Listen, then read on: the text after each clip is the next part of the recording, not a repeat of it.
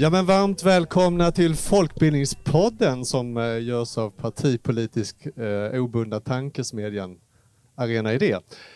Eh, jag heter Ola Bo Larsson och idag är det en livepodd på NBGs gatufest i Malmö. Så på en av alla de här 40 eller 37 musikscenerna som tillsammans utgör den här extraordinära gatufesten så är studieförbunden i Malmö på plats. Och här idag tänkte jag prata folkbildning, studieförbund och musik tillsammans med en fantastisk panel som består av um, Patrik Nilsson som är utbildningsansvarig på Studiefrämjandet Skåne och Blekinge. Och vi har eh, Ketty Hagman som är basist i Malmöbandet Urarta. Och dessutom repar ni på Folkuniversitetet och du har också en annan karriär som psykolog om jag förstått det rätt. Och så har vi Imad Al-Tamimi som är musiker och bosatt i Malmö sedan, vad sa du till mig, 16 år och du är, men också folkbildare. Ja. Det stämmer. Mycket varmt välkomna hit och eh, finns det någon av er som kan förklara för mig som numera är stockholmare och för våra lyssnare liksom norr om Hallandsåsen hur det kan komma sig att man kan mobilisera så mycket folk och så mycket musik som på den här gatufesten och kanske om folkbildningen har någonting med det här att göra så kan ni ju säga det också, men ordet är fritt. Jag är samtidigt överraskad när man går här på gatan och ser hur mycket liv och rörelse det är. Det är fantastiskt kul att se. Samtidigt så känns det, det känns väldigt Malmö. Det känns mycket folkbildning och föreningsliv i att man inspirerar varandra till att vilja vara med. Det här har ju varit något år innan och eh, det är ju inte så att folk droppar av och inte vill vara med nästa år, utan alla vill vara med. Plus att det kommer fler som gick här som besökare förra året som kände, ja men det här kan man ju göra. Här kan vi också hitta, hitta lösningar och hitta ett utrymme. Och det tror jag är inspirerande att spara och det ligger mycket folkbildning i det också. Den här eh, som står bakom gatufesten heter ju eh, NGBG och det står för Norra Grängesbergsgatan. Det är alltså en kulturförening och då står det i deras eh, beskrivning av sig själva så står det vi som gillar buller ska bygga en kulturljudzon och framtidens innerstad i Malmös geografiska centrum och kulturella hjärta. Det är liksom själva utgångspunkten. Så jag, jag bara upprepar det en gång till. Är det liksom, har folkbildningen haft någonting med det här att göra? Eller kommer det bara utifrån att Malmö är en så fantastisk stad så att, och kreativ stad så att det händer grejer? Eh, jag tror att idéerna ploppar upp lite här och var. Sen så kommer föreningslivet och studieförbunden och lite grann omfamnar de här idéerna och gör det möjligt att genomföra det. Det är ju lite så när du startar ett band eller köper en gitarr och drömmer om att stå på scen. Då är det ju liksom, det är att dra upp disten och få ihop ett bra groove i bandet man brinner för. Men på vägen behöver du också lära dig att kontakta myndigheter för att få tillstånd att stå på gatan. Och det är kanske där folkbildningen kan komma in och hålla i handen och eh, lite grann stå bakom och se till att det funkar på rätt sätt. Och, så att när konserten väl blir av så finns det el framdraget till scenen och alla de här grejerna man kanske inte tänker på som drömmande rockmusiker. Jag tänker Imad, du eh, har ju då eh, bott i Malmö ett, ett tag men inte hela ditt liv och eh, vad, vad, säger är Malmö speciellt? Det var Malmö jag har bott i. Jag besökte andra städer, ja. Men jag vet eh, att Malmö är väldigt speciell. Det vet jag säkert. Jag har liksom många vänner som besöker mig här i Malmö och eh, berättar liksom och säger hur det hur de ser att Malmö är väldigt eh, liksom en speciell stad när det kommer till eh, mångfalden och liksom eh, den här eh, rika av eh, kulturella liksom scenen som vi ser. Men jag vill också lägga till någonting eh, hur liksom folkbildning eh, eller eh, studieförbund spelar en eh, viktig roll i, i sådana festivaler. Till exempel det här NGVG, de flesta band som spelar idag eh, har eh, eh, repat jättemycket på, på studieförbund. Så de flesta liksom har lokaler och repa i ABF eller studie, Studiefrämjandet eller Bilda eller här och där. Så liksom det som vi ser och vad de har liksom för att presentera för oss idag har de liksom byggt och jobbat på i, i studieförbundlokaler. Så det är någonting som man kan också tänka hur liksom folkbildning kan spela en roll i sådana liksom, eh, kulturella festivaler som händer, eller gatufestivaler som händer i Malmö. Mm.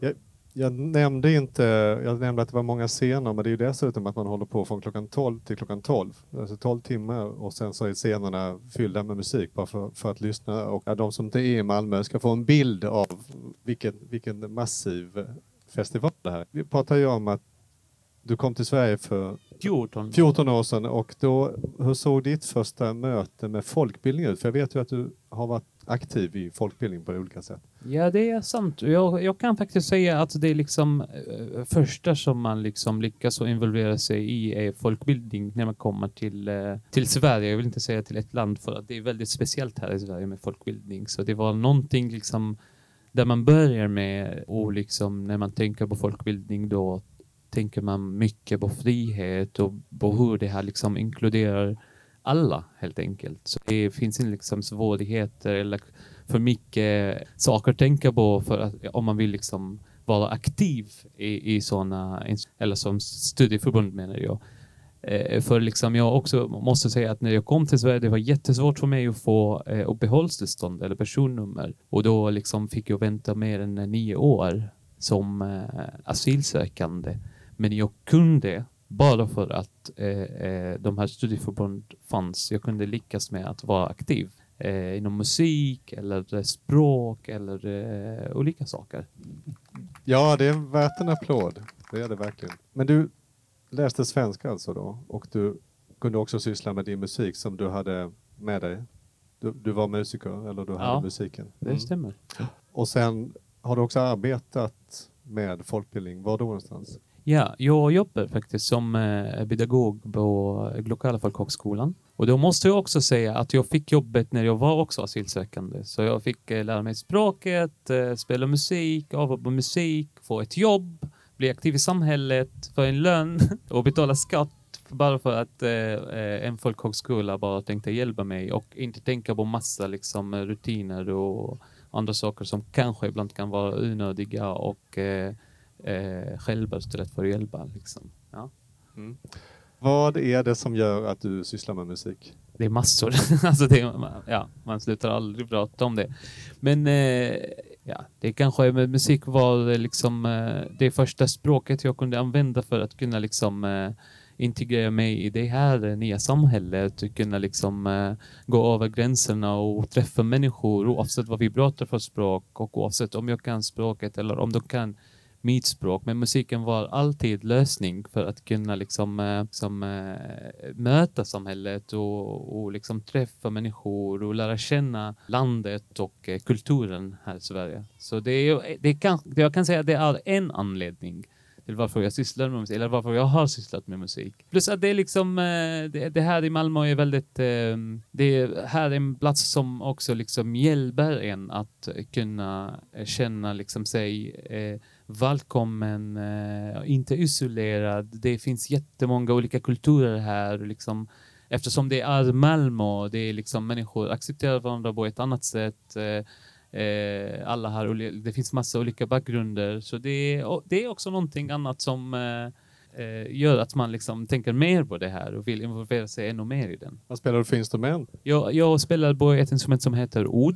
Det är en, eh, ett MENA-instrument, alltså Mellanöstern, Nordafrika, alltså ja, ett traditionellt instrument. Och jag, mitt band liksom jag spelar i heter Sika Lalli. Vi spelar eh, arabisk traditionell musik. Eh, ibland försöker vi också liksom mixa mellan det svenska folkmusiket och det arabiska traditionella musiken. Jag tänkte, Patrik, du hade, var ju inne lite grann på studieförbundens betydelse för, för musiken här, eller åtminstone för den här eh, gatufesten. Men, men om vi fortsätter på det spåret, är det någon som skulle vilja liksom utveckla den betydelsen för, för uh, musiken uh, eller, och i förlängningen samhället? Är det någon som vill ta den lilla lätta frågan? Mm, Patrik? Ja, vi, eh, folkbildningen och studieförbunden grundas ju i ett intresse, drivet lärande. Det blir ju lite så, alltså du kan ju sitta och bli kanonduktig på ditt instrument. Och nu med så mycket inspiration och eh, information på nätet eller man kollar Youtube-filmer exakt hur du spelar en låt. Liksom. Men hur gör du för att nå ut med din musik? Hur gör du för att träffa andra och dela intresset med och dela din kunskap med? Och det spelar ju egentligen ingen roll om, om du håller på och eh, läsa historia eller om du spelar musik. För att det är ju för att verkligen träna och utveckla ditt lärande så behöver du bolla det du kan med någon annan. Du behöver få input från andra håll. Den här festivalen är ju fantastisk att du, alltså du, vi har ju de här riktiga metal-människorna som går runt och lyssnar på den hårdaste musiken. Men de kommer också gå förbi en scen som spelar reggae. Och hade de, man fastnat i det här Youtube-träsket, det vet man ju själv, liksom att efter ett tag så kommer samma typ av filmer upp hela tiden. Du behöver få input någon annanstans ifrån och där har ju folkbildningen också en roll i mötet mellan människor tänker lite grann som om, om du som fotbollsspelare blir jätteduktig på att spela fotboll, men du behöver någon som anordnar matcherna. Du behöver någon som ser till att du träffar andra som också tycker att det är kul. Ja, men vi har en viktig roll och vi har liksom en roll och en betydelse oavsett vilken nivå du är på i ditt musicerande så finns vi där och kan spela en roll och vill spela en roll. Det var mycket om musiken, men jag tänker studieförbunden betydelse för samhället eh, ännu bredare. Så, Kette, du har jobbat, förutom att du då själv spelat, så, så har du också jobbat med, som fritidsledare på mm. Hemgården mm. i Lund, eh, jobbar som psykolog idag, stöter på psykisk ohälsa. Vad är dina erfarenheter?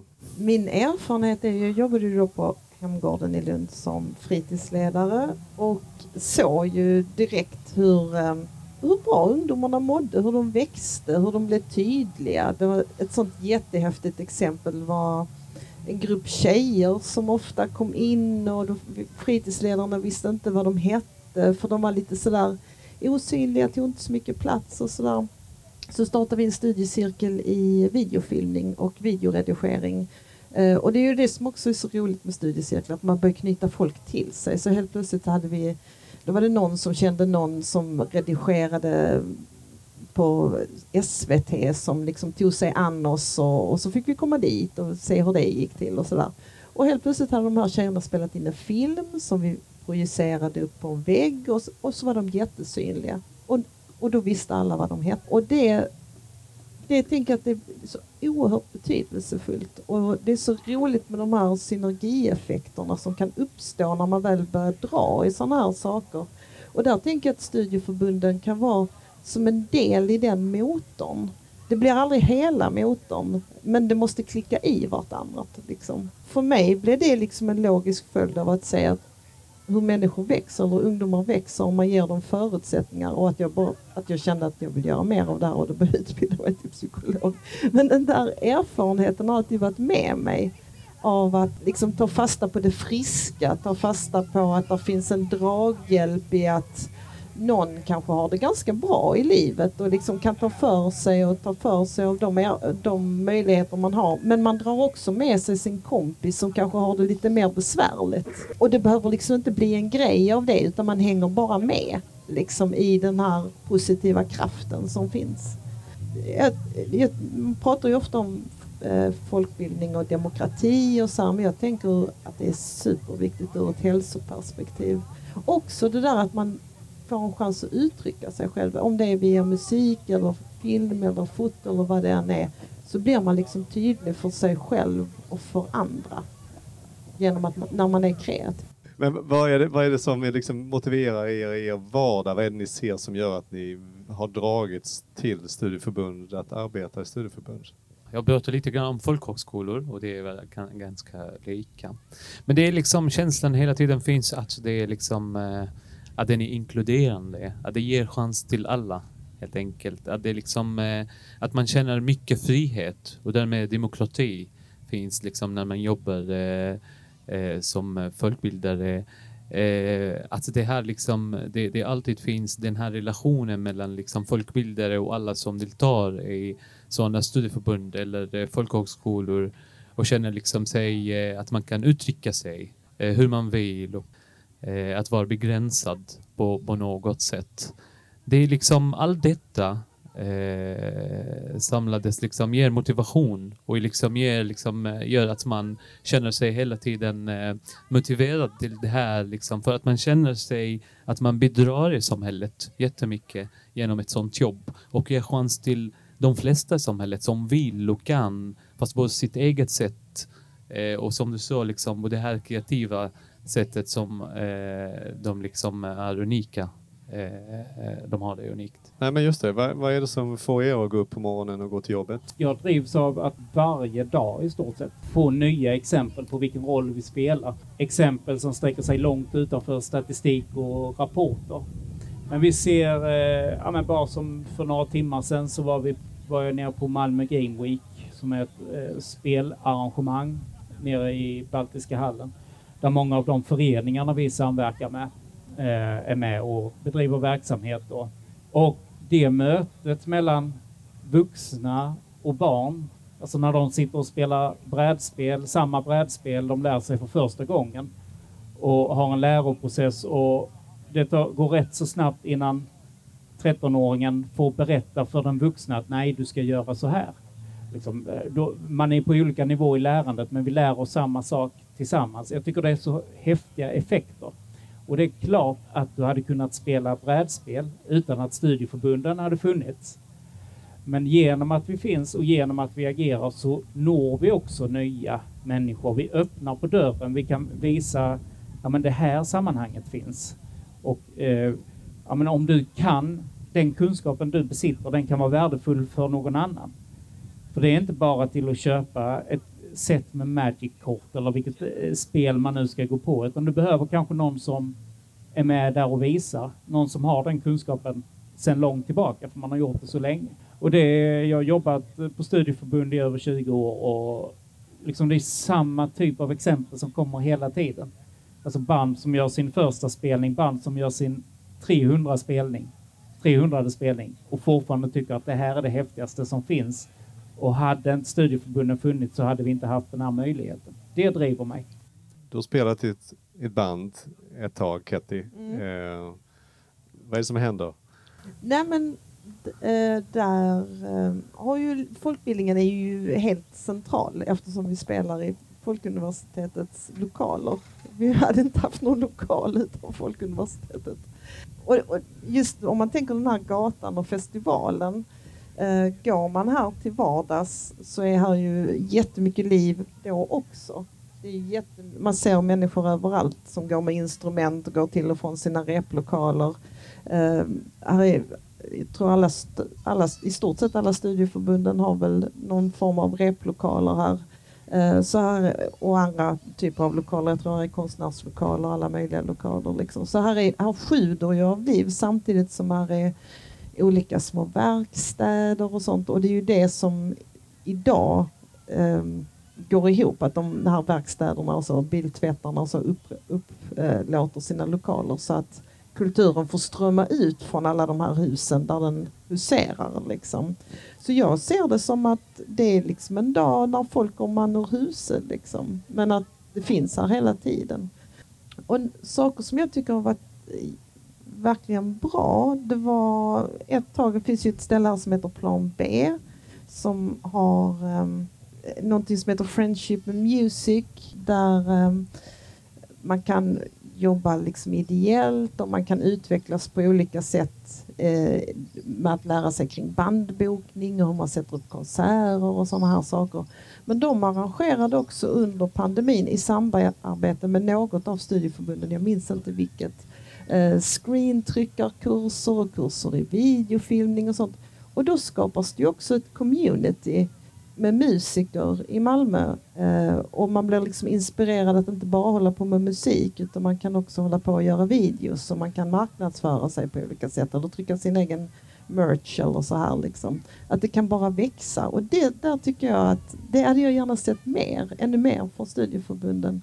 Att man eh, är med och skapar den här communityn så man kommer ut ur sin lilla replokal där man ju kan bli lite isolerad som nu jag tycker skulle vara jätteintressant att lära mig mer kring inspelning och inspelningsteknik och så. Skulle man kunna starta studiecirklar med andra band kring det, fler som är intresserade kring det och, liksom, och vad studieförbundet kan bidra med i material. Att alla behöver inte gå in och köra, köpa in jättedyra grejer som man kanske bara använder ett fåtal gånger och så här. Liksom att hitta mer den typen av samarbeten eller sätt att ja, befrukta varandra.